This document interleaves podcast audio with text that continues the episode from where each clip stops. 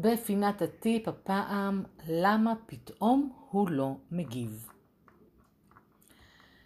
אתה מגיע למפגש האינטימי, זו פרטנרית שכבר היו לך מפגשים אינטימיים טובים מאוד איתה, ופתאום הוא לא מגיב. פתאום הוא פשוט לא מזדקר, לא נותן מענה למרות כל המאמצים שלך. את הטיפ הזה אני מייחסת לעניין הנפשי והנפשי בלבד. יש מטפלים הגורסים שלאיבר שלך יש חיים משלו, יש מטפלים שטוענים שאתם ישות אחת מחוברת, ובכל זאת אתה מרגיש שיש לו חיים משלו. שאתה חם, שאתה מוכן למפגש האינטימי, אבל משהו לא קורה שם למטה. המשהו הזה זו תגובה של הנפש, והיא לחלוטין משפיעה על התפקוד. זה נכון אגב לגבי כל איבר בגוף, אבל עכשיו נתרכז באיבר המין שלך. כשאתה חווה סיטואציה כזו, מבחינתי הנפש שלך אומרת דרשני. מה הכוונה? ייתכן ואתה במקום אחר ושונה כרגע אל מול הפרטנרית שאיתך ושלא במודע. אני מונה עכשיו מספר סיבות.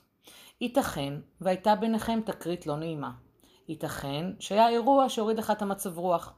יכול להיות שהיא אמרה משהו לא במקום, שהרגשת שמשווים אותך, שהזכירה לך לרגע משהו מהעבר, שהטון שלה לא היה במקום, ששפת הגוף שלה שידרה משהו אחר, שאתה חושד בה, שאתה מבין שלא טוב לך במערכת היחסים הזו, ועוד ועוד. במצב שכזה, מבלי שתיתן על כך את הדעת, באמת לאיבר שלך חיים משלו.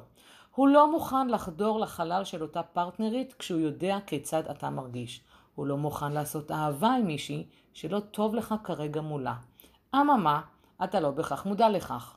אתה לא בהכרח נותן את הדעת על כך, כי ברור לך שכשמגיעים למיטה פשוט מקיימים יחסים. אז, לפני שאתה נבהל שמשהו לא בסדר איתך, בוא תבדוק מה המצב האמיתי שלך בהרגשה אל מול אותה פרטנרית. ואם לא קיבלת את התשובה לכך, אני יותר מאשמח לעזור. צור איתי קשר ונבדוק על מה זה יושב ונחזיר לך את העוררות המינית לחיים. מוגש באהבה, שלומית.